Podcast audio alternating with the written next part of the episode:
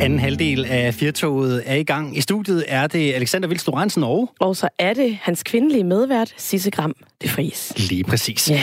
Vi har talt en del om uh, Trump her i vores uh, journalistiske undringsmagasin den her eftermiddag, og vi bliver jo næsten lige nødt til at... Altså, mail, sms-indbakken har jo nærmest Ja. været glødende. Den går helt amok. Det er dejligt derude, at I har så mange meninger. Øh, Lad mig lige øh, læse nogle af dem op. Øhm, Der bliver sagt her, Trump er da om nogen fjern fra den almindelige befolkning. Hvor mange huse mund han har. Så er der nok lige en reference til den her politiker, der blev nævnt. Hvem var det, det var, Alexander? Der blev nævnt politiker? politiker, der ikke engang kunne sige, hvor mange huse han havde. Åh, oh, det, nu tester du mig umiddelbart, det ved jeg ikke. Jeg ved i hvert fald, at Trump har et. Han har det Øh, hvide. Han ved, han har også masser af andre huse. Han har Trump Tower, ja. Lige Meget præcis. imponerende bygning også. Han, han, har nok, han har nok lidt flere, øh, han har lidt flere adresser at vælge imellem, hvis han skulle have lyst til at prøve noget nyt sådan fra weekend til weekend. Det tror jeg også. Og vi har også en besked fra Claus, som skriver her. Nogle idéer om, hvor stor en del af stemmerne, der afgives på elektroniske valgmaskiner, og dermed kunne være manipuleret under det sidste præsidentvalg? Spørgsmålstegn. Retoriske spørgsmål er altid gode. Nu er den i hvert Ja, fald den, sendt nu er den i hvert fald sendt op i, i radioluften. Så kan man jo lige tænke lidt over det. Ja, der er ingen tvivl om, at Trump han er, øh, han er sådan en mand, mange har meninger øh, til. Det kan man også se, øh, det kan man også se i vores sms-indbakke. Og jeg ved ikke sige, sådan hårfarvemæssigt, Ja. ja. hvad kan man kalde Trumps hårfarve? Er den rød? Er den blond? Hvad er vi ude i? Jeg vil da kalde den blond. Hvid, hvidblond. Findes sådan en farve? Naturlig blond? Måske, Naturlig måske. blond. Det, det, det, det er ikke til at vide. altså, det er simpelthen ikke til at vide. Øhm, Men der er ingen tvivl om, jeg tror, han har det sjovt. hvorfor siger du lige det på den måde? Vent lige lidt, Alexander. Mm, Jamen, det er jo bare fordi, der er den der gamle skrøne om, Ja. at man siger, blondiner har det sjovere. Ja, det siger man jo egentlig. Det siger mange. Det siger Det er jo, rigtig det er jo mange. sådan et fast mantra. Præcis. Blondiner har det sjovere, og... Øh, Du ja, har jo hvorfor gør... selv været blondine. Jeg har selv været blond, men øh, jeg tror ikke helt, da vi talte om det tidligere, jeg faktisk helt turde indrømme over for dig, at det var sådan en selvvalgt øh, situation. Ah. Jeg tror, jeg kom til at give dig indtryk af, at jeg var du havde været blond som lille eller sådan noget. Jeg har gennem hele mit liv valgt at være blond. Øh, faktisk så kom jeg til at farve det sådan helt gulerodsblond en gang, lige inden jeg skulle ind og stå på scenen. Og det eneste folk sagde til mig, efter jeg havde optrådt, det var, hvorfor var dit hår orange? Ah, så det havde ikke lige den øh, ikke lige ønskede effekt. Øh, nej. Har du, du er da sådan en god lever på stegsfarvet nu, kommunefarvet? Det er jeg nu, ja. Ja. Øh, men jeg var blond dengang. Øh, Jeg viste, øh, jeg viste dig også et lille billede af mig som, ja. som barn tidligere i dag. Og dengang, der havde jeg det i hvert fald sjovt. Altså folk synes, jeg var, jeg var en meget sød dreng med sådan noget tysk Bundesliga-hår. Den gik lige ind.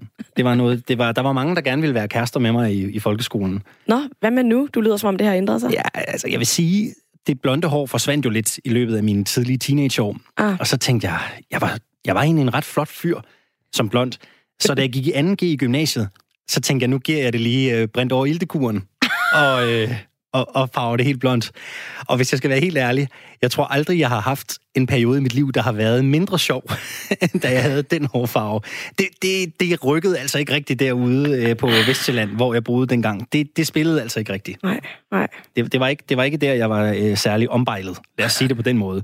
Så, så jeg tænkte, blondiner har det sjovere. Ja, ikke mig i 2G med mit falske Tvært blondine imod, frisyr. faktisk. Ja, lidt. Tvært imod. Men tror du, der er noget om det der med, at blondiner har det sjovere? Nej, jeg tror godt, det kan blive sådan lidt selvforstærkende, når man taler om det, og man så er blondine, så har man jo lyst til at sige, men det er fordi, jeg er blond, jeg har det sjovt. Ikke? Det er jo lidt den der, hvis vi bliver enige om, at noget er en universel sandhed, så, så taler vi også ind i det. Så regenererer vi så også den sandhed, den måde, vi taler på.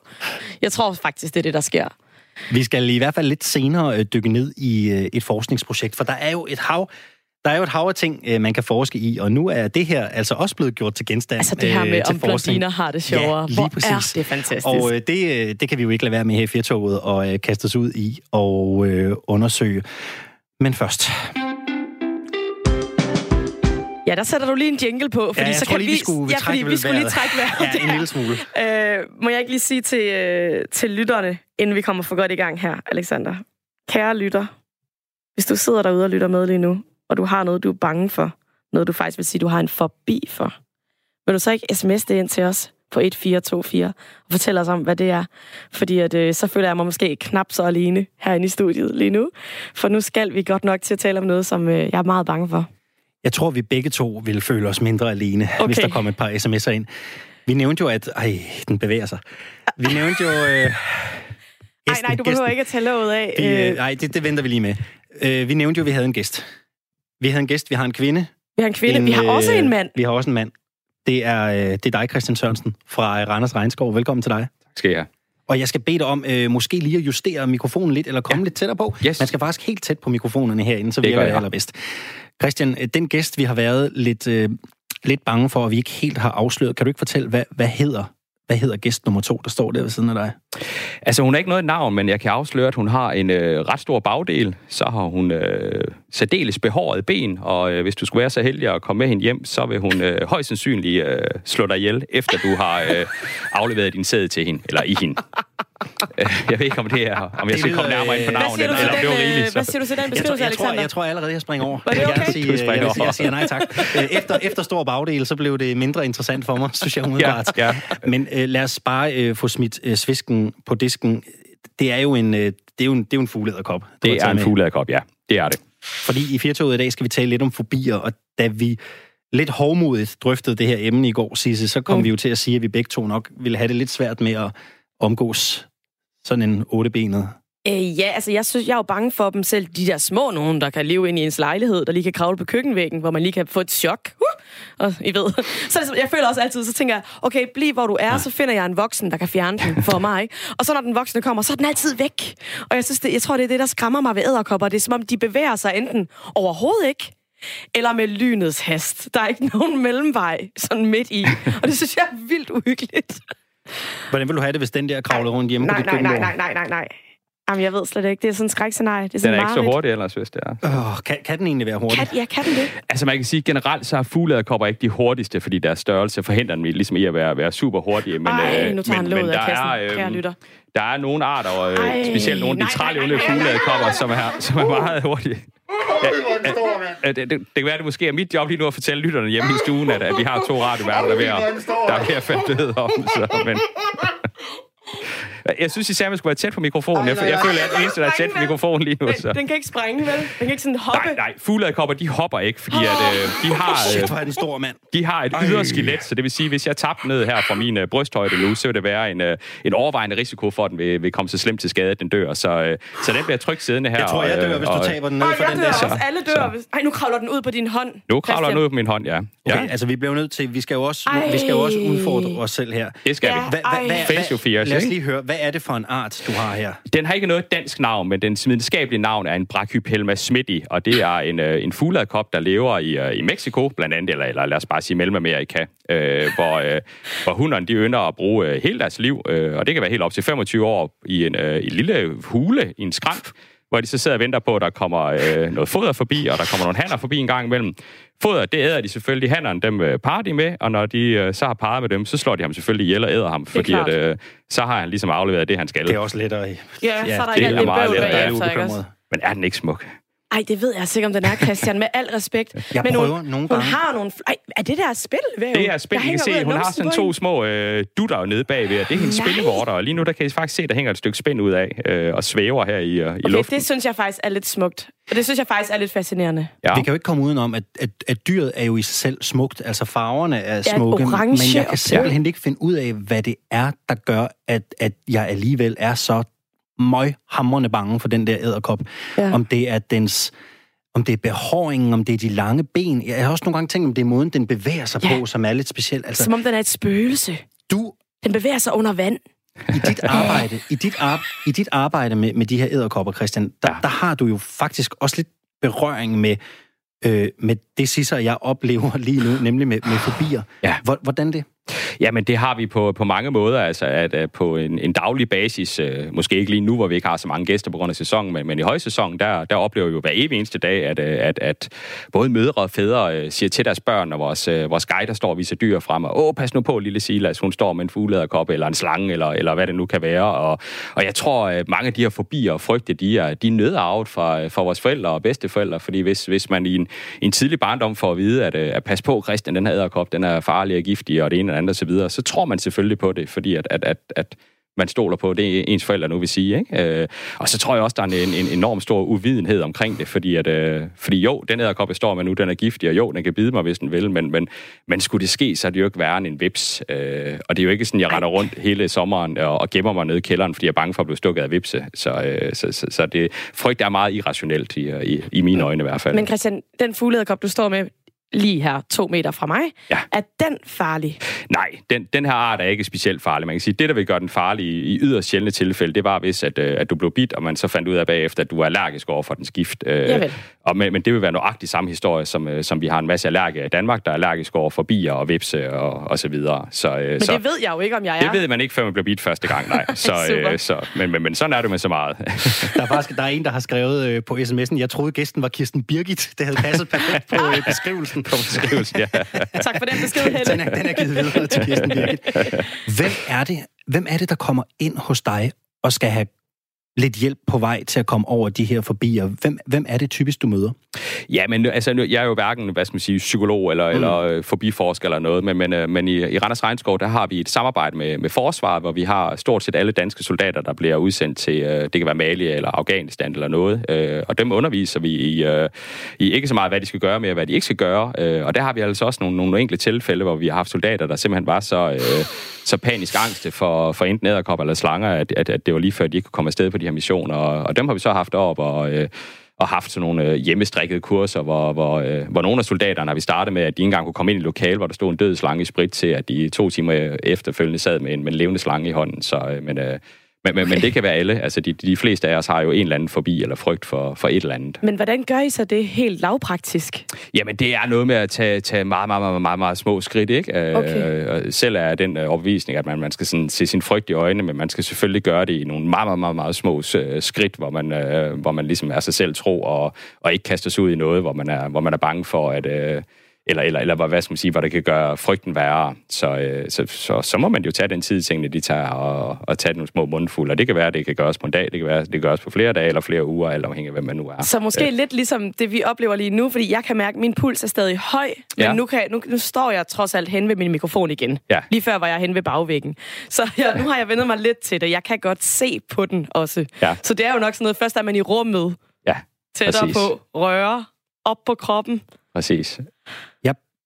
Jeg har lidt overvejet noget, og det har jeg jo også spillet lidt smart med Ja, på har redaktionen tidligere i dag. Ja. Nu bevæger den sig jo ganske stille Ja. og roligt. Det, det, det, den vil ikke begynde at løbe op ad ens arm, vel? Nej, det ved den ikke. Øh, og slet ikke. Man kan sige, at den æderkop, jeg har med i dag, er jeg selvfølgelig valgt en af dem, som, som er, er vant til at blive vist til vores gæster, og, og vant til at blive håndteret i, i et eller andet omfang. Det er jo ikke sådan, vi går og håndterer den, hvad skal man sige, sådan til daglig eller for sjov, men, men, men den har været i menneskehænder før. Han er vant til showbiz. Ja. Hun, hun er vant Hun- til show. hun er- hun hun er er, vant ja, til ja. showbiz. Hvis jeg nu er villig til at lade hende prøve at sidde på min arm, og jeg skal sige, at jeg er jeg er vanvittigt bange for den der størrelse. Men, Ja. ja. men jeg har det også sådan lidt, lad os, lad os prøve det og se, hvad der sker. At, vil, vil, du, vil du stå ved siden af mig meget tæt på? Det vil jeg i hvert fald. Kan, kan vi det? Fordi kan så vi. synes jeg, så, så, så, så kan vi måske godt prøve det. Ja. Det eneste, du skal love mig, det, det er fordi, det skal være på dyrets præmisser, det er, at hvis du virkelig lige pludselig tænker, at nu panikker du helt vildt eller andet, så siger du til mig, og så fjerner jeg æderkoppen, så vi ikke risikerer, at den, øh, Falder. den falder af og slår sig og så videre. Selvfølgelig. Det ville jo være forfærdeligt, selvfølgelig. Fordi at, øh, den Okay. sikkerhed fører din. Selvfølgelig, ja, øh, ja, ja, det, Det ved giver jeg mening, ikke. Alexander? Men, men jeg, jeg, jeg ved ikke, om vi skal, om, om, om, om, om vi skal, om vi skal prøve det. Det synes jeg, vi skal. Jeg synes, du er en meget modig mand. Og spørgsmålet er, om jeg skal komme over. Er det lettest, jeg kommer over Det til er dig? op til dig. I kan Ja, så- mikrofon så- derom. Så, øh, så gør vi måske bare det. Ja, Ja, så, ja. så taler du lige, Det kan du ikke? tro, Fordi jeg så gør. bevæger jeg mig lige herover. Så tager Alexander headsettet af nu, og øh, bevæger sig... Hvornår begynder han at bevæge sig? Sisse, Sisse, vil, du ikke lige, vil du ikke lige tage et billede af det? Jo, Jeg skal det skal have det, jeg skal have det det for livet. Du bliver nødt til at Man tage et skal, billede. ja, af man det. skal Det bevise sig, ikke? Så. Det skal jeg. Okay. Okay, Alexander, han bevæger sig nu langsomt om til Christian om på den anden side her. du er virkelig øh, tøvende. Ja, jeg kan godt forstå, at du er bange. Og jeg okay. tror, det øh, mit forslag er, det er, at du simpelthen tager din, øh, din hånd frem med, med bagsiden af hånden opad, og så øh, Ja, det, man ikke lige kan se hjemme i stuen, det er, at en æderkoppen er sådan på vej op over min albu nu. og Og så- på Christians overarm, Så hvor jeg simpelthen Alexander så så har stille lagt sin og hånd. guide den op her på Alexanders arm. Og det, jeg, det, jeg oftest gør, det er sådan lige at prikke den lige så stille på, øh, på bagbenene. Du skubber den lige. Ej, kan mærke, det er flot, der- Alexander. Du klarer det flot. Der er en, der ryster Bare lidt her, og det, og det er ikke æderkoppen. Træk vejret ned i maven. Bare lige løfte den op sådan der. Så godt. Det går så godt. der? Meget flot. Så kommer hun Sådan op på der. min hånd. Ja. Uh, drikker godt Nej, nej, nej, nej, nej. Ja, de har sådan nogle små kroge på, på benene, og det er simpelthen bare fordi, så gør det lettere for dem at, at sidde fast. Jeg tror faktisk, jeg kan flytte min arm, kan jeg ikke det? Så har du den der. Så Sådan. holder Alexander helt alene æderkoppen nu. Og står stadig op, Står op. ryster Du skal smule. trække vejret, Alexander. Og det, som I ikke kan se hjemme i stuen, det er, at æderkoppen, den sidder faktisk ganske stille og roligt på, på hans arm, fordi æderkoppen, den, den... Nej, og den kan heller ikke nødvendigvis mærke, at den sidder på et menneske, fordi man skal ikke tillægge den særlig meget intelligens. Den tænker bare, at den sidder på, på et eller andet objekt. I, i, i det her tilfælde er det en, en nok let og svedig arm, som den sidder på, og, og, det, og det er ligesom det, den tænker, så skulle den sidde på et arm, det er. Øhm, så man skal ikke tillægge den med sådan forfærdelig meget intelligens, det skal man ikke. Så, øh, så nej vel? Du siger, at Alexander siger, at det ikke er galt. Nej, jamen, at du kan jo sende videre til venstre for dig, Øh, hvis nej, det er. det, det kan jeg simpelthen ikke. Nej, jeg, jeg, okay. og det er faktisk, fordi jeg er bange for, at jeg besvimer. Sådan helt uden at være dramatisk. Jeg er bange for, at jeg ryger i gulvet. Ja, Ja, nu må du gerne tage en igen. Så tager vi videre herover på... øh, Jeg har lige sådan et, et stykke bark her, den kan... godt selv gå, så hun ikke bliver... Det er helt okay. Ja, ja, hun gør ingenting. Det behøver du ikke være bange for. Ej, hvor er det Så- flot klaret. Du er Sejt, nu fri Så. af æderkop. Der kan I bare se på et kort indslag, der kan man næsten kurere forbi. Det er virkelig godt gået. Jeg ved ikke, om jeg vil sige, at det er kureret. Jeg, uh, jeg rystede i starten. men, men jeg vil så også sige, at når hun kommer derop, er, er hun jo ikke... Øh, er hun, altså, er det jo faktisk okay. Øh, Ja. Jeg vil nok sige, hvis, hun, hvis jeg ikke vidste, hun var der, og hun overraskede mig, og jeg lå derhjemme og sov, så ville jeg nok Ja. ja. flippe hånden ud. Ja. Hvor normalt er det at møde mennesker, som... Nu har du din daglige gang i Randers Regnskov, som har det lidt som Sisser, og jeg har det med. Det der, det, vi skal simpelthen ikke få tæt på glasset. De er lidt skræmmende. Mm. Åh, oh, altså jeg tør ikke sætte procent øh, på, men, men, men, men det der daglige, at vi, øh, vi har jo sådan en slangehal med, med fritgående slanger, og det er i hvert fald dagligt at høre folk, der siger, at øh, der skal de ikke ind, fordi der er slanger. Og, Fritgående slanger. Ja, Ja, eller frit kravlende slanger hedder det jo Krybende, eller nærmest, ikke? man? Hvad, Øh, hvad er det for noget? Jamen det, vi har, vi har sådan en hal på et par hundrede kvadratmeter med, med, med sådan nogle døre, hvor man går ind, øh, og så er der nogle skydedøre, der åbner, og inden de næste døre, de, øh, de åbner, så lukker de bagved sig, og så går du rundt med, øh, jeg tror lige nu, der har vi 26, 26 øh, fritlevende kvælerslanger derinde, ikke? Og, øh, Kvælerslanger. kvælerslanger, ja. Okay, så, ikke bare øh, slanger. Man kunne have valgt ikke alle slags slanger, men man vælger, Skal det vi en tur til. Randers? Vi kan lige så godt gøre det Øhm, ordentligt, så... Øh, Får man guide med så, Christian, eller får man bare lov at gå selv derinde? øh, der går man frit rundt ind, så, øh, Okay. så det, øh, det, det tager man på egen hånd. Hvor så, mange gæster er døde ved kvæling af slange? Øh, I dag, eller bare sådan generelt? Så, så nej, nej, vi har, der er ikke nogen øh, døde gæster ved slangen. Det er naturligvis ganske ufarligt, øh, så længe man ikke rører ved dyrene, men, øh, men det er sådan en, en, en regel, der gælder for alle vores dyr i, i regnskoven. Så. Men har du egentlig selv nogen forbier? Du virker som en meget modig mand, som du står ja, der. jeg har forbier. Altså man kan sige, til daglig jeg arbejder med, med nogle af de giftigste slanger i verden, øh, uden at, at få sved under armen, ligesom Alexander over. Men, øh, men, men jeg har panisk angst Det er helt for bevidst, heste. jeg har taget sort t-shirt på i dag. Du har panisk angst for heste. Jeg stoler simpelthen ikke på heste. Jeg, jeg tror kun, de ved uh, mig og menneskeheden ondt, så, uh, så, så heste, det er slet, slet ikke mig. Og, og om, det, om det måske uh, bunder ud i en, en dårlig oplevelse som barn, jeg ikke kan huske, det ved jeg ikke. Men, uh, men, men heste, det er, det er bestemt ikke mig, nej. Det er det ikke. Hvor, øh, hvad, hvad, er det, hvad er det ved Kan du prøve at beskrive, hvad Jamen, er jeg det synes bare, de, der- er, de er bare store og onde og kommer løbende op mod en, og alle de der historier om, når man går bag om den, så sparker de en, og, øh, og så videre. Og det er jo sikkert bare, øh, hvad skal man sige, løse rygter, ligesom alle de her rygter, der er omkring æderkopperne. Men, øh, men, men heste, det bliver godt nok aldrig nogensinde mig. Det er altså et meget smukt dyr, synes jeg. Og når jeg tænker på hesten, så tænker jeg på mange eventyr og prinser og prinsesser, som red på heste. Ja, Men det er jo nok, ja, hvilke historier man har med sig. Det er lidt, altså... Man kan sige, den eneste omgang, jeg har med heste, det er, når vi tager heste op af fryseren til vores øh, store rovdyr, Ja. til, til jaguarerne. Og det vil sige, det har jeg ikke noget problem med. Så, så. Men du, du forbinder, så du siger, Sisse, du forbinder ikke øh, sådan en, en fuglederkop her med eventyr? Øh, jo, øh, det der Harry Potter-eventyr med den der kæmpe store æderkop, der kommer ud inden fra skoven. Hvis I kan se den for jer. Øh, og ellers bare øh, har jeg kastet mangt øh, margrethe over æderkopper i min tid og ringet til min mor, hvor efter min mor altid siger, men skat, hvad skal jeg gøre ved det? og det har hun jo ret i. Det må altså, man sige. Ja, og det er jo egentlig synd, fordi at, øh, det spind, der lige kom ud af numsen der, altså det, på en måde er den jo også et prægtigt dyr. Meget, meget. Jeg synes, den er smuk. Smuk og intelligent. Det er den også lidt, når man kommer tæt på. Så ja. kan den et eller andet. Ja. Dog ikke sagt, at jeg havde lyst til at have den hjemme i min egen lejlighed.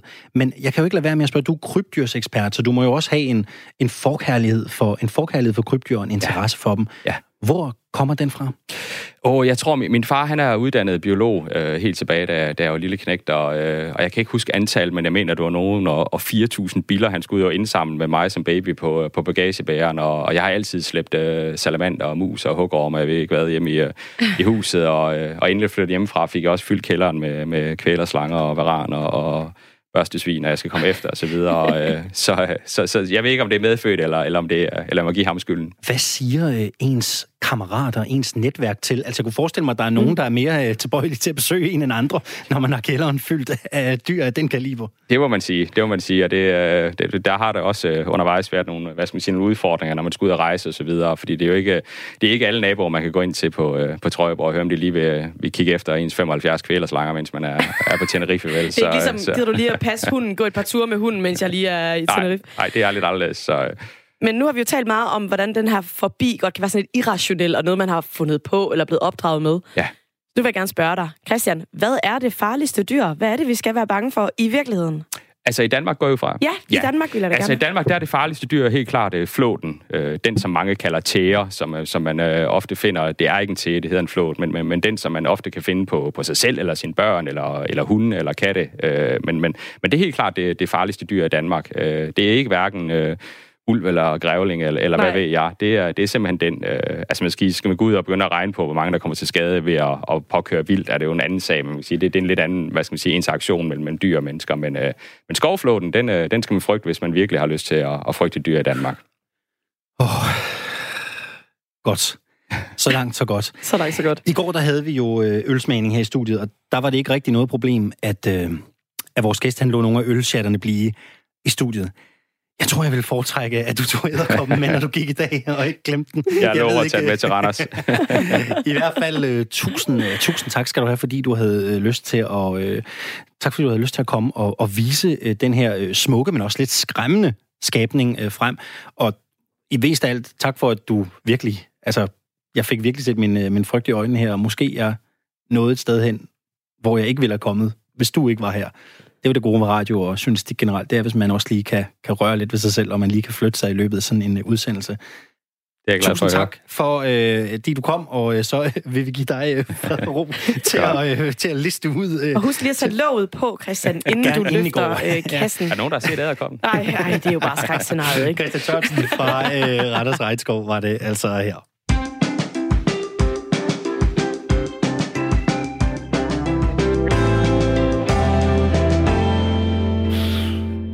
Nå, Sisse, hvad tænker du?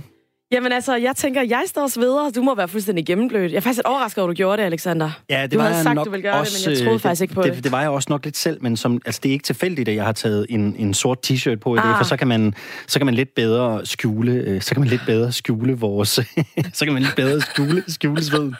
Og du har altid været bange for æderkopper. Det er rigtigt. Det er ikke bare noget, du, du står og siger her. Nej, jeg vil sige, små æderkopper har jeg jo lært at leve med. Jeg synes ikke altid, det er rart, Nej. men jeg kan leve med dem. Men jeg kan huske, da jeg var barn og i folkeskolen og skulle i zoologisk have, og det er jo pinligt at indrømme, men helt op til 6. klasse, der skulle jeg altså holde min lærer i hånden, når vi gik ja. ind forbi æderkoppeburet, for jeg synes ikke, det var særligt øh, betryggende, selvom den var inde på den anden side af noget meget tykt glas. Altså, jeg synes jo bare, det er grænseoverskridende bare at se på den. Altså, at stå på 5 meters afstand og se på den. Det er jo virkelig interessant, for den kan jo ingenting gøre ved mig, når den er i en forsejlet kasse. Altså. Men det, du ikke kan forestille dig, det er den der stikkende fornemmelse, når den kravler på dig. Ej. Det synes jeg ikke var rart. Det der Ej. med, jeg kunne se, øh, da Christian tog den af sin egen arm, så ville den ikke rigtig af. Altså, der var Nej. et eller andet, der gjorde, den nærmest sad fast. Og så tænkte jeg, det behøver den ikke gøre på mig. Det er jo derfor Spider-Man, han kan kravle op på loftet. Det er, må være der, det, må, det, må være der, det må være der forklaringen den ligger. Ja. Men øh, Sisse, vi bliver nødt til at, at dykke lidt mere ned i det her emne, fordi nu har vi ligesom set vores, øh, nu har vi ligesom set vores øh, frygt i øjnene. Ja. Nu bliver vi nødt til at blive lidt uh, klogere på, hvorfor vi egentlig har fobier, og hvad det er, der sker i os, når vi bliver ramt af den her paniske angst, som er udløst af en uh, rationel eller uh, irrationel frygt. God eftermiddag, Pia Kallesen.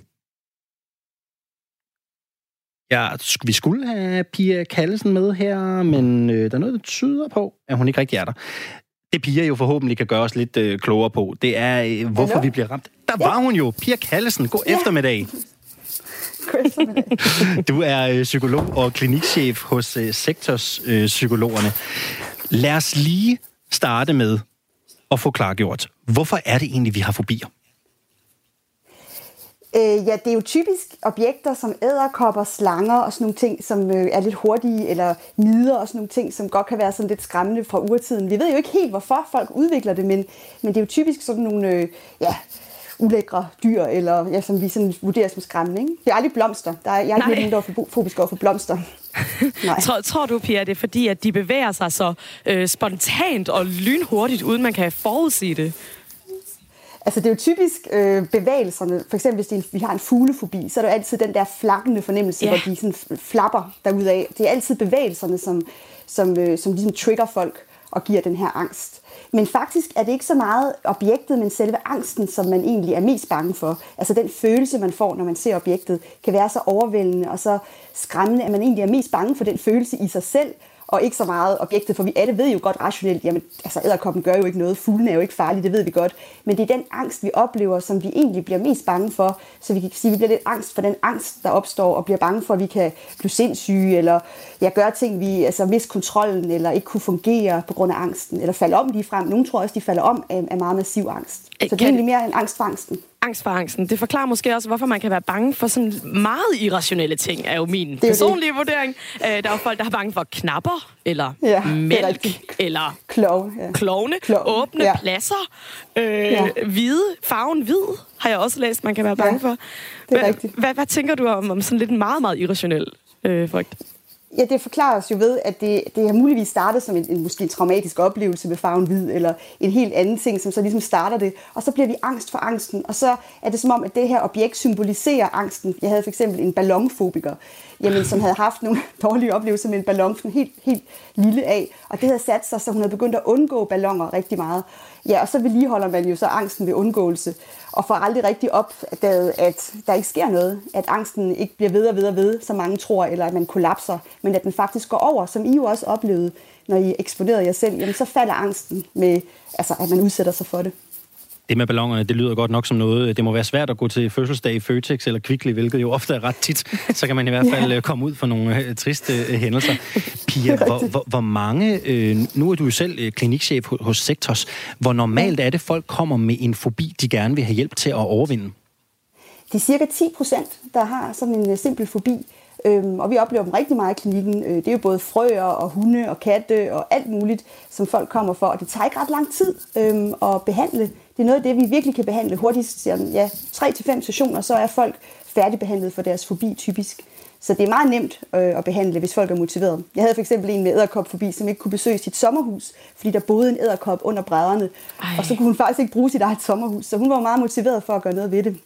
Eller en anden, som ikke kunne bruge haven, fordi han var bange for ormene øh, og en anden, der ikke kunne gå igennem en, en skov, øh, fordi hun var bange for de frøer, altså, øh, der bevægede sig der i skovbunden. Så hvis det her... Ja. Hvad er det, der sker inden i os? Jeg tænker sådan fysisk, når vi bliver bange. Hvad er det i kroppen?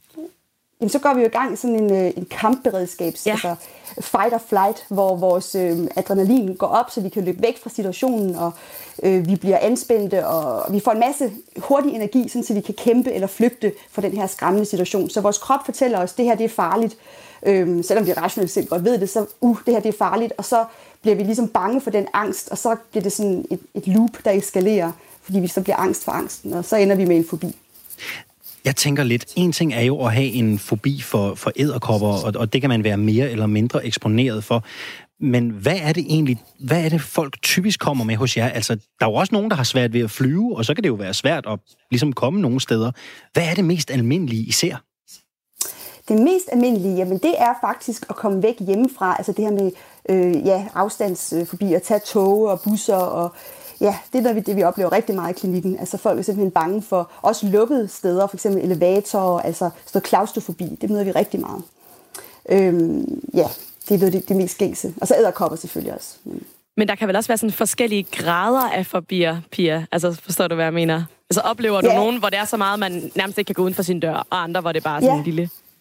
Ja, det er lige præcis. Altså, dem, der opsøger behandling, er jo der, hvor det bliver invaliderende ja. for dem hvor de ikke kan komme i sommerhuset, eller ja, komme på arbejde eller skole, eller besøge venner, fordi de har en hund eller en kat. Så det er der, hvor det bliver invaliderende, at det ja, hæmmer folk, og de skal have noget behandling. Fordi ellers så lever vi jo, mange af os lever jo fint med vores fobier, og ja, undgår bare slanger, og kommer aldrig til Afrika, og det, det lever vi fint med. Øhm, eller hajer, vi har mange, der er også, der er også nogle med hajerfobi, ikke? det kan man jo også undgå. Jeg har oplevet, øh, det, jeg har selv oplevet ja. i mit liv, at der er nogle ting, jeg med tiden er blevet mindre og mindre glad for. Det her med fobier, er det noget, der typisk rammer i en tidlig alder, eller kan det opstå hvornår som helst i livet?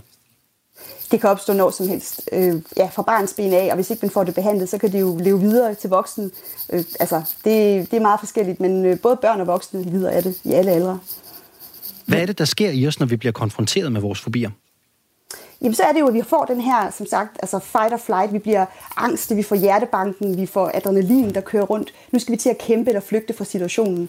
Og så bliver det meget voldsomt. Det bliver jo sådan et voldsomt bombardement. Det føles meget fysisk ubehageligt. Og hvis vi så bliver bange for den, det ubehag og begynder at bekymre os, ja, så bliver det faktisk værre, og så holder vi liv i det.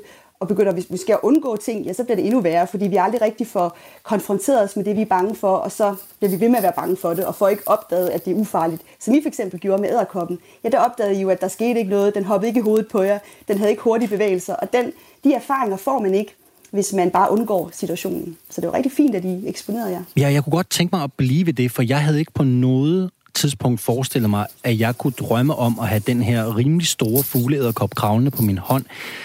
Ja, og jeg ved jo ikke selv, hvad det er, der sker i mig, når jeg bliver konfronteret med den, og den er der. Kan du gøre mig klogere på, hvad, hvad er det, der får mig til alligevel at sige, så lad os prøve og se, hvad der sker? Det er fordi, øh, vi går langsomt frem. Altså den her gradvise eksponering, det er meget, meget vigtigt. Altså et skridt ad gangen, og i klinikken er der jo nogle gange folk, de er så bange, at det at, ja, at bare se på et billede af en æderkop kan være nok til at få angsten op på 8-9 stykker, altså fra 0 til 10. Så vi starter helt blidt, måske bare ved at kigge på en film, eller ja, en plastik æderkop, ikke? Og så lige så langsomt, når man har tilvendet sig situationen, ja, så går man et skridt videre og et skridt videre, indtil man kan sidde med den i håret eller i hånden. Øh, men det går langsomt. Man går langsomt frem, så man hele tiden tilvender situationen, den der habituering, ikke? hvor man ja. lige tilvender. Så ligesom det, det kolde vand, så bliver det varmere og varmere. Ikke? Jeg kunne forestille mig, at der også må være nogen, som synes, det er sådan lidt skamfuldt, eller sådan lidt pinligt. Jeg tænker bare, hvis jeg var meget, meget bange for ballonger, altså, det vil være, måske være lidt svært for mig at opsøge en psykolog og få hjælp til det. Er det noget, du oplever, at nogen har svært ved at tale om det her? Øh, ja, mange er jo hæmmet af det, og ja. har, altså, er virkelig invalideret af det, og kan jo ikke gør, altså, gå steder hen på grund af den her fobi. Så det er klart, at det er godt, de opsøger hjælpen. Nu er det jo selvfølgelig et, et fortroligt rum, så øh, øh, ja, vi siger jo ikke til nogen, at de går til psykolog, så, så det er jo helt, helt fortroligt, øh, når man først kommer. Hvordan kan det være, at de her fobier er så hæmmende? Altså, jeg har det jo sådan lidt... Nu har jeg haft æderkoppen på min hånd, men jeg kan godt mærke, at der kommer til at gå nogle timer, før jeg kan spise. Det er sådan en særlig ting, jeg oplever, når jeg kommer i kontakt med æderkopper. Jeg mister min appetit, og det kan jo godt hæmme mig i nogle timer efterfølgende. Hvorfor, hvorfor er det, jeg oplever det så hæmmende? Det er jo helt normalt. Altså, appetitløshed, det er jo også en del af den her med, nu skal din krop til at flygte eller kæmpe, så nu de der banale ting som at spise, det er lige meget. Ikke? Mange oplever også, at de får tynd mave, fordi nu skal vi bare af med alt bagage, så vi kan løbe hurtigere væk fra den her situation. Øhm, det, det er jo bare vildt hæmmende med de her symptomer, fordi de, de er meget skræmmende at opleve for mange, og meget ubehagelige. Øhm, og hvis vi nu spurgte dig, hvad hvis nu vi havde flottet dig, hvad, hvad er så det værste, der kunne ske, hvis du havde fået massiv angst? Hvad er sådan din katastrofetanke om angsten? Lad os sige, at du havde fået æderkoppen på hånden lige med det samme. Hvad tror du så, der ville være sket med den angst? Har du sådan en katastrofe om, at du falder om, eller den bliver bare værre og værre og værre, indtil du kollapser? Eller hvad, hvad, hvad tror du? Det er faktisk et rigtig godt spørgsmål. Hvis jeg havde fået mm. den på, du tænker, hvis jeg havde fået den der æderkop på hånden ja. lige mens... hvad er det værste, der kan ske? Ja. Hvis ikke du kunne komme væk fra situationen, hvad er det værste, der kan ske med sådan en massiv angst? Altså det værste, jeg må indrømme, og nu kom jeg jo, nu kom jeg jo lidt, nu kom jeg jo lidt til det alligevel, men det var nok, altså jeg står her i radioen, og hvis jeg var kommet til at, at, at skrige som en, som en som kvinde, det havde, mm. måske, det havde jeg måske synes havde været lidt pinligt, men det havde nok ikke været værre end det. Det er jo det, og, og det er nogle af de eksperimenter, vi kunne finde på. Altså, det laver, vi, vi laver den gradvise eksponering, men, men meget af det, som også er vigtigt i forhold til angstbehandling, det er at få et afslappet forhold til angst. Øh, det gælder faktisk også andre angstlidelser, at, at det her, hvad man opdager, jamen selvom jeg får stærke følelser, så, så bliver jeg ikke sindssyg, eller begynder at råbe, eller slå folk, eller jeg, jeg, jeg kan ligesom bevare fatningen, uanset om jeg har de her stærke følelser. Så vi får ligesom et nyt forhold til stærke følelser, og det er rigtig, rigtig vigtigt øh, så du ikke bliver bange for øh, stærk angst eller stærk tristhed, eller, eller hvad for nogle stærke følelser, man kan få her i livet. Pia Kallesen, psykolog mm. og klinikchef hos Sektor Psykologerne. Tusind, tusind tak, fordi du var med. Selv tak. Hej, hej. Hej. Så blev vi lidt klogere på, hvorfor det er, vi øh, reagerer, som vi gør i de her situationer. Og, og Pia har jo et eller andet sted ret. Det værste, der kunne ske med den der æderkop, ja, det værste, der kunne ske, var, at jeg besvimet. Det var nok ikke sket, men, men Nej. jeg havde nok Eller den bed dig. skrejet lidt, lidt Altså, når han det. siger, det er ligesom at blive stukket af en vips, så tænker jeg, ja ja, det gør også ondt at blive stukket af en vips. Jo tak, men den ser Altså, ikke sådan der ud. Nej, den det gør har den ikke den størrelse den ser der. noget mere fredsommelig ud. Øh, Det minder mig faktisk om, for sidste år, der boede jeg ude på en båd ude midt i Stillehavet, og det var jo sådan, at når man så skulle vaske hår eller i bad, så skulle man jo bare bade i havet. Og der var jeg så nede og vaske mit øh, hår, så jeg havde mit hår ind i sæbe, og så har jeg sådan trykket mig ned under båden for at skylle, hvad skal man sige, sæben ud af mit hår.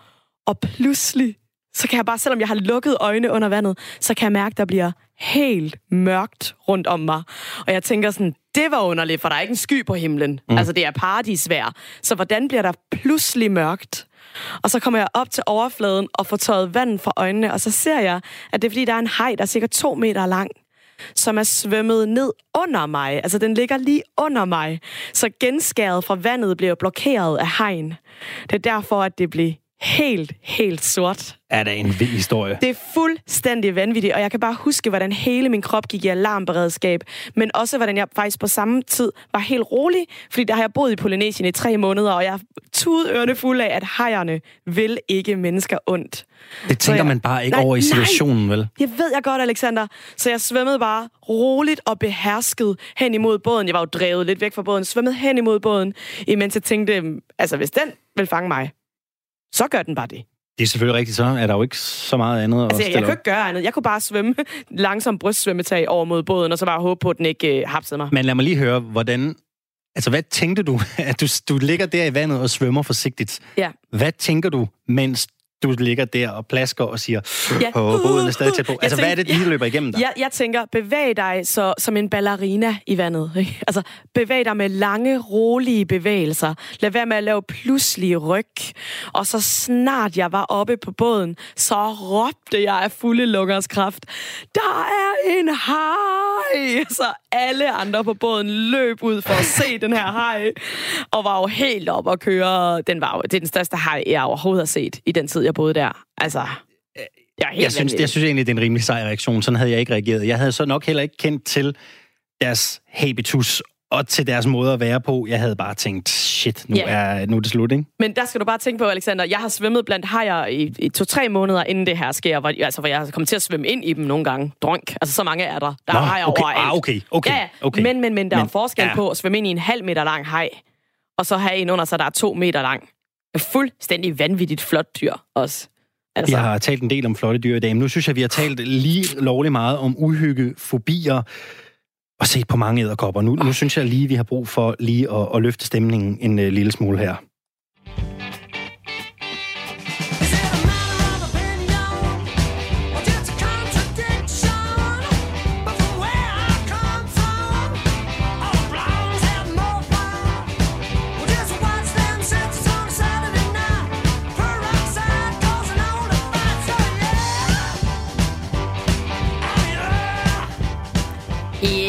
Det er jo Rod Stewart, som synger Blondes Have More Fun, og det gjorde han i 1978. Og jeg har en lille teori om, at den sang satte gang i den her bølge, vi talte om tidligere, Alexander, med. Am blondiner, de har det sjovere. Det ved alle. Det er bare sådan en sandhed. Det ved alle. Blondiner har det sjovere. Men øh, det er der faktisk en, øh, en læge, som har sat sig for at undersøge. Og øh, han hedder Dennis Breiner Sætner. Dennis, er du med os på telefonen? Ja, det er jeg. Dejligt. Altså, jeg er meget nysgerrig, Dennis. Du har undersøgt, du vil bekræfte eller aflive den her påstand om blondiner har det sjovere. Vil du ikke lige først, hvor kommer den her idé fra? Hvordan kommer du i tanke om det? Øh, jamen, umiddelbart så var det, øh, det var nu ikke kun mig selv, det var sammen med en række andre forskere, hvor vi, øh, vi er på sådan et, øh, et forskningskursus, øh, hvor vi er nede i Tyrkiet, og så øh, sent om aftenen efter dagens program ligesom er slut der ved Niki-tiden, så, øh, så står vi og lige smalltalker lidt og tænker, at det kunne være sjovt at lave sådan et forskningsprojekt, som er sådan lidt mere ja, sjovt og ikke så seriøst egentlig. Øh, og så får vi set, at der, der er en vandrutsjebane på hotellet, og finder ud af, at vi har nogle pauser i løbet af det her kursus, øh, hvor, vi, øh, hvor vi så kunne undersøge det. Øh, så jeg får en af de andre idéen til, at det kunne være sjovt at sammenligne. Fordi vi havde sådan rimelig mange blonde, rimelig mange brunetter og øh, andre hårfarver. Og så egentlig undersøge, om det her det kunne, øh, om det egentlig passede, hvis nu man øh, kørte i vandrutsjebane, og man havde det sjovt med det. Hvordan Om, øh, Jeg tænker, når man laver de her undersøgelser, så skal man jo også have nogle forskningspersoner og nogle testpersoner. Hvad, hvad er det lige, man siger, når man, når man ringer op til nogle blondiner og gerne vil, vil have dem til at, at, at indlægge sig til det her øh, forsøg? Hvad, hvad, hvad er det lige, man... Hvordan sælger man lige den idé? Jamen, altså, nu var vi jo så heldige, at vi var på et kursus, hvor der var en, omkring 50 øh, forskellige forskere, både øh, læger og sygeplejersker og nogle medicinstuderende. Øh, så det var egentlig bare øh, den ene øh, morgen, da dagens program ligesom blev, blev præsenteret, så, så fortalte vi, at nu har vi simpelthen fundet på den her idé, og øh, at hvis de ikke havde noget bedre at lave i deres pause, så, øh, så kunne, ville vi meget gerne bruge dem som, som testforsøg eller testpersoner. Okay, nu, nu kan vi ikke øh, trække den længere. Jeg er nødt til at bare spørge dig. Hvad, hvad fandt du ud af? Har blondiner det sjovere end alle, alle os andre? I hvert fald ikke, når de kører i vandrutsjebanen. Øh, så, så har blondiner det fuldstændig lige så sjovt som, øh, som folk, der ikke har blondt hår. Okay, hvordan laver man sådan en undersøgelse?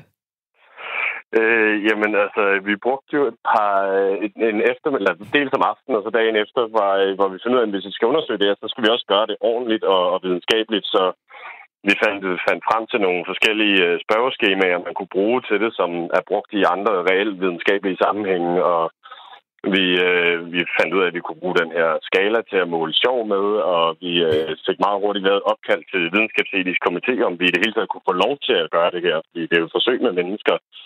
Øh, så, så vi, skulle vi lige spørge om lov først. Øh, så på den måde så fik vi egentlig sådan stablet et helt forsøgsdesign på, på benene, og så prøvede vi det af på os selv første dag, og så dagen efter øh, hævde vi så øh, vores øh, kollegaer øh, og venner med ind i at være med i det her forsøg.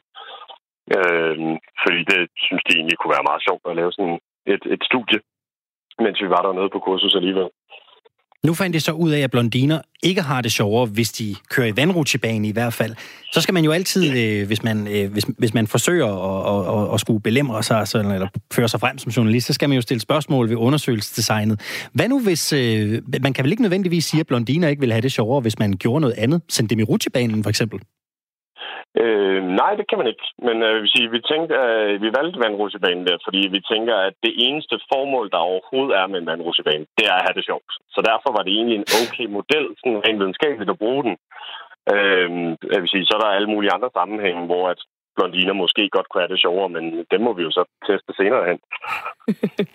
altså man siger, jeg er faktisk ikke så overrasket over, at du godt kunne få kollegaer til at deltage i det her, fordi hvis man skulle deltage i en undersøgelse, så, så kunne det da være sådan et her, Alexander. Det lyder da meget festligt, vil jeg sige. Jeg har altid selv været glad for vandrutsjebanen. Jeg havde gerne stillet op. Men, øh, Dennis, jeg, jeg øh, læste lidt på en artikel, som er blevet skrevet om det. Vil du ikke, øh, der var nemlig noget, jeg sådan stussede lidt over. Der var noget med et bad. Vil du ikke lige prøve at forklare, hvad er det for noget?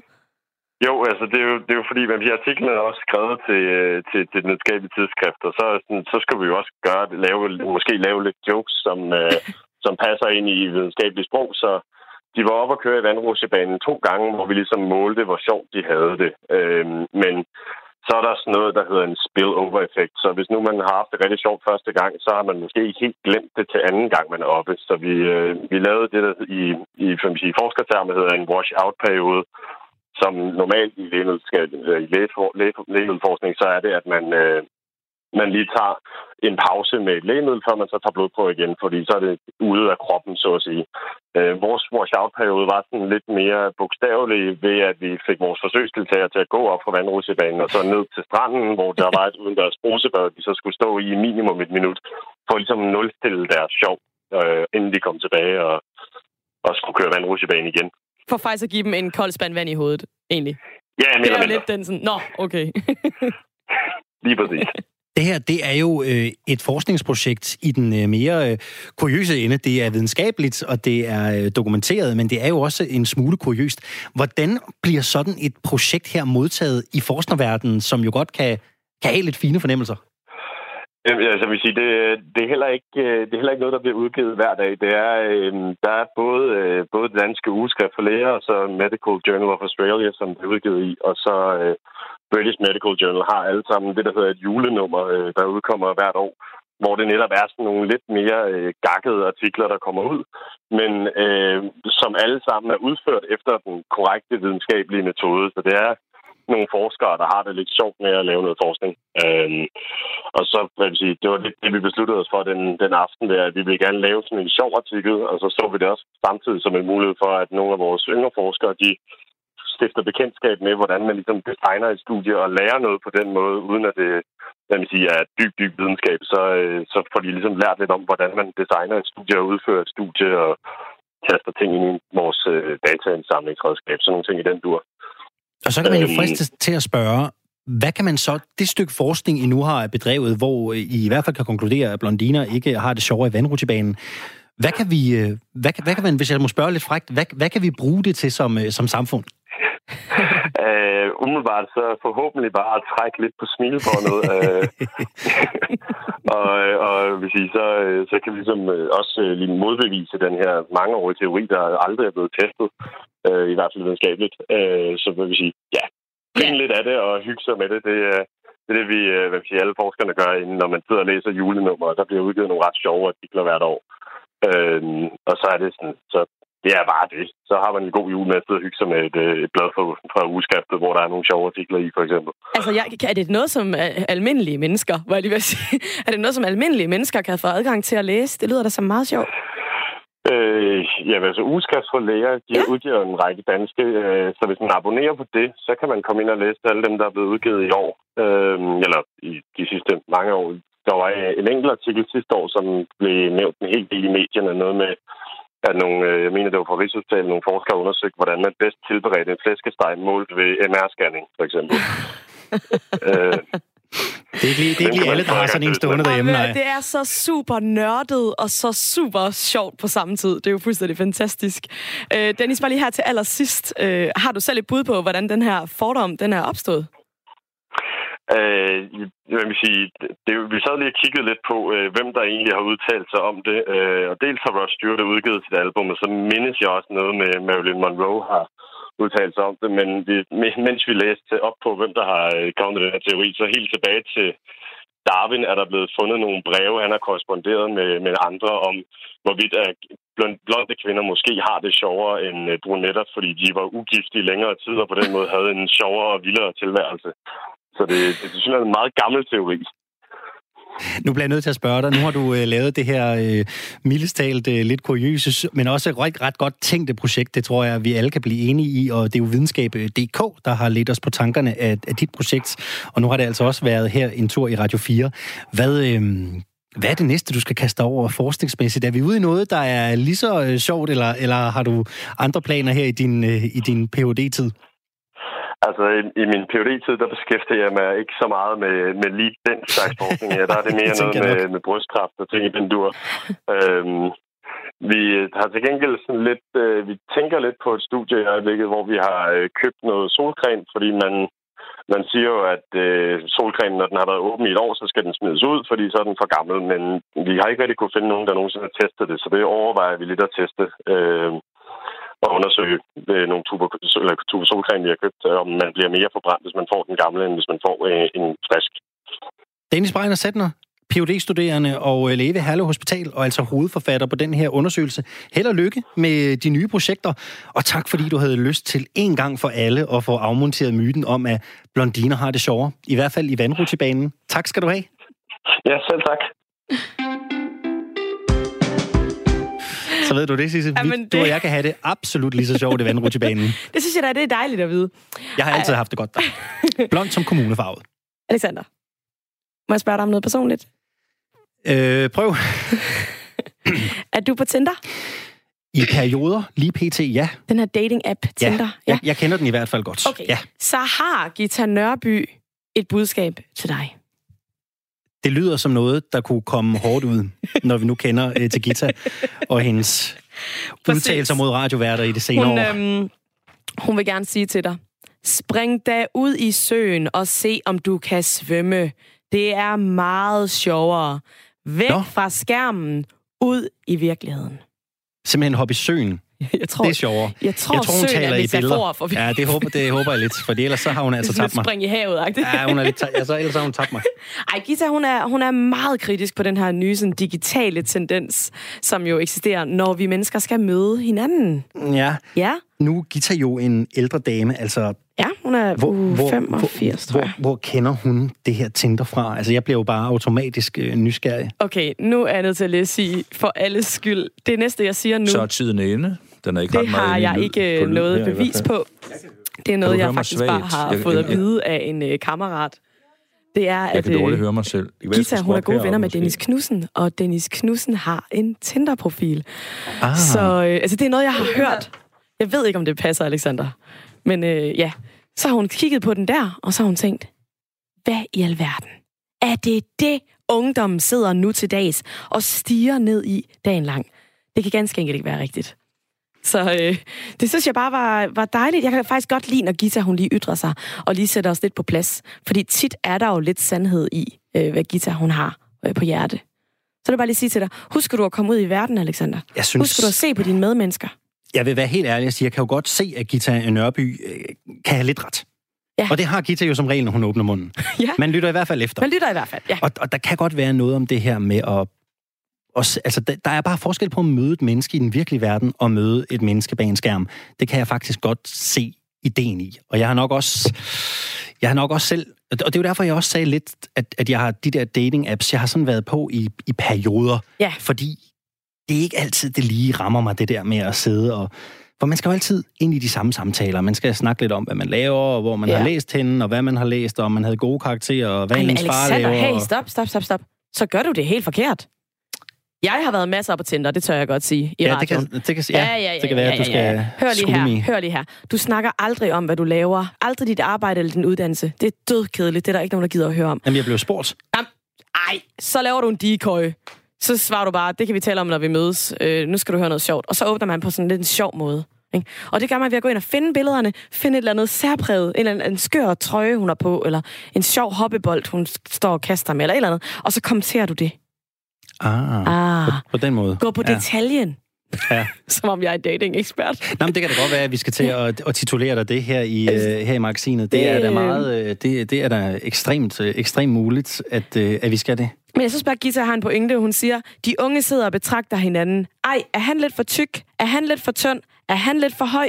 For mig er det sådan en underlig kold beregning og en mærkelig måde at gå til forelskelse på. Sig mig, er der ingen, der gider at blive forelsket længere? Det er da ellers noget af det bedste, der findes. Ja, det, jeg, jeg, jeg tror, hun er ret langt hen ad vejen. Jeg kan, jeg kan også godt mærke, at alt det der digitale hejs, det, det, det, er lidt, det kan godt være lidt udmattende. Det, det Ja, synes jeg. Du har selv været der. Du, du, altså, du har jo også oplevet det. Ja, jeg har også oplevet det, men vi- hvis jeg lige må sige, jeg, åh, for, et, for et års tid siden sad jeg i et S-tog, og så fik jeg øjenkontakt med en flot mand. Og så gjorde jeg simpelthen det, man ikke tør, ikke? Så, gjorde ja, så efter jeg havde siddet og holdt øjenkontakt med ham i lang tid, så gik jeg hen og gav ham mit visitkort. Dit visitkort, Eller jeg- get jeg- out of town. Eller jeg skød det sådan ind i maven oh. på ham. Jeg, jeg kastede det sådan i retningen af ham. Hvad står der på det visitkort? Sisse Gram de Fries, dobbelt Danmarksmester i Impro ja, Comedy. Okay, prøv at og dig, der sidder og siger, at man ikke skal snakke om sit arbejde og sine erfaringer. Bullshit. Men det var fordi, jeg turde ikke at sige noget. Så løb jeg væk og, og råbte kaffe. Øh, Min pointe var egentlig ikke det. Min pointe var, så mødtes vi og fik en kaffe, og det var ikke ægte kærlighed, vil jeg lige sige. Så jeg, jeg synes, jeg har haft mere succes på Tinder. Så, Alright, godt. Jamen, det var, øh, det var dagens tips fra øh, vores øh, kærlighedsekspert, Sisse Gram de Fris. kærlighedseksperten. Hvis du har et, øh, hvis du har et øh, visitkort, så fyr det afsted øh, i S-toget, eller hvor du nu er med offentlig transport, men vær forberedt på, at det kan altså være, at det ikke ender i ægte kærlighed. Selvom han ser rigtig sød og rar ud og har et dejligt smil. Vi skal til at runde øh, sidste time af Firtoget af for i dag, og hvilke en time, altså særligt et tema, står i den grad uh, klar i min erindring. Fobierne og øh, vores øh, bredbadede, behårede dame, der gæstede os i starten af timen. Som desværre ikke var Kirsten Birgit. Nej, jeg det, det, det var det ikke. Det var det ikke. Men hvor var Christian Sød fra Randers Regnskov? Han var rigtig god til at være rolig herinde i studiet, synes jeg, og udøsede bare øh, ro. Ja, jeg synes godt nok, øh, jeg synes, jeg kom lidt tættere på at, at se min fobi i øjnene. Jeg havde jo faktisk fornøjelsen af at have den her æderkop op på, øh, op på hånden, og det havde jeg simpelthen ikke troet, øh, da jeg stod der og, øh, og nærmest skreg, da den kom ind i Og studiet. Alexander, hånden på hjertet, det var faktisk lidt vildt at se det udefra, fordi jeg godt kunne se, hvordan hele din krop reagerede helt fysisk. Altså, du blev varm, og du rystede en lille smule. Jeg stod faktisk og tænkte sådan, hvad gør jeg, hvis han besvimer nu? Altså, det var faktisk ret vildt. Ja, så hænger man jo på den selv. Ja, så havde hænger jeg jo på så den selv. ligesom skulle, Så øh, så skulle ligesom Risk afvikle det hele. havn, ikke? Ej, jeg synes, det var... Jeg, og jeg kan faktisk stadigvæk godt mærke, Sisse, at det, det sidder lidt i maven. Ja, det kan jeg godt forstå. Altså, jeg, jeg kan, og, og jeg er stadig lidt, lidt småvarm. Jeg kan, jeg kan godt mærke det. Det kan jeg mærke godt forstå. Så har vi også talt om blondiner. Det skal også bare lige siges. Som jo Som stik ikke, imod ikke har det sjovere. antagelsen ikke har det sjovere. I hvert fald ikke i vandrutsjebanen. Der bliver du ved med lige at tilføje. Jamen, ja, det synes jeg bare Jamen, er vigtigt. det er rigtigt. det synes jeg er vigtigt. Men, men ja, det er rigtigt. Og det, øh, og, og- det synes jeg bare var et interessant forskningsprojekt mm. i den lidt kuriøse ende, som øh, Videnskab.dk har skrevet om, og som altså også er blevet udgivet i ugeskrift øh, for lægers juleudgave, kunne jeg forstå. Som har lidt mere spøjse emner. Det er jo godt at vide. Tænk, hvis al forskning var sådan. Ej, vil, det vil være et slaraffenland jo. Altså, det havde været noget andet at skrive et speciale, vil jeg bare lige sige, når jeg tænker på alle de forskningsresultater, jeg sad og læste op af der. Altså. Lige præcis. Åh. Firtoget er slut for i dag. Øh, vi er jo tilbage igen i morgen, Tisse, med masser af ny øh, undren at gå på øh, weekend på. Og lige om lidt, så er Benno Blæsil gæst hos Jørgen Koldbæk i, i dagen i dag, hvor de laver en top 10 over dagens spændende nyheder. Nu skal vi lige have en jingle, og så er der nyheder om lidt.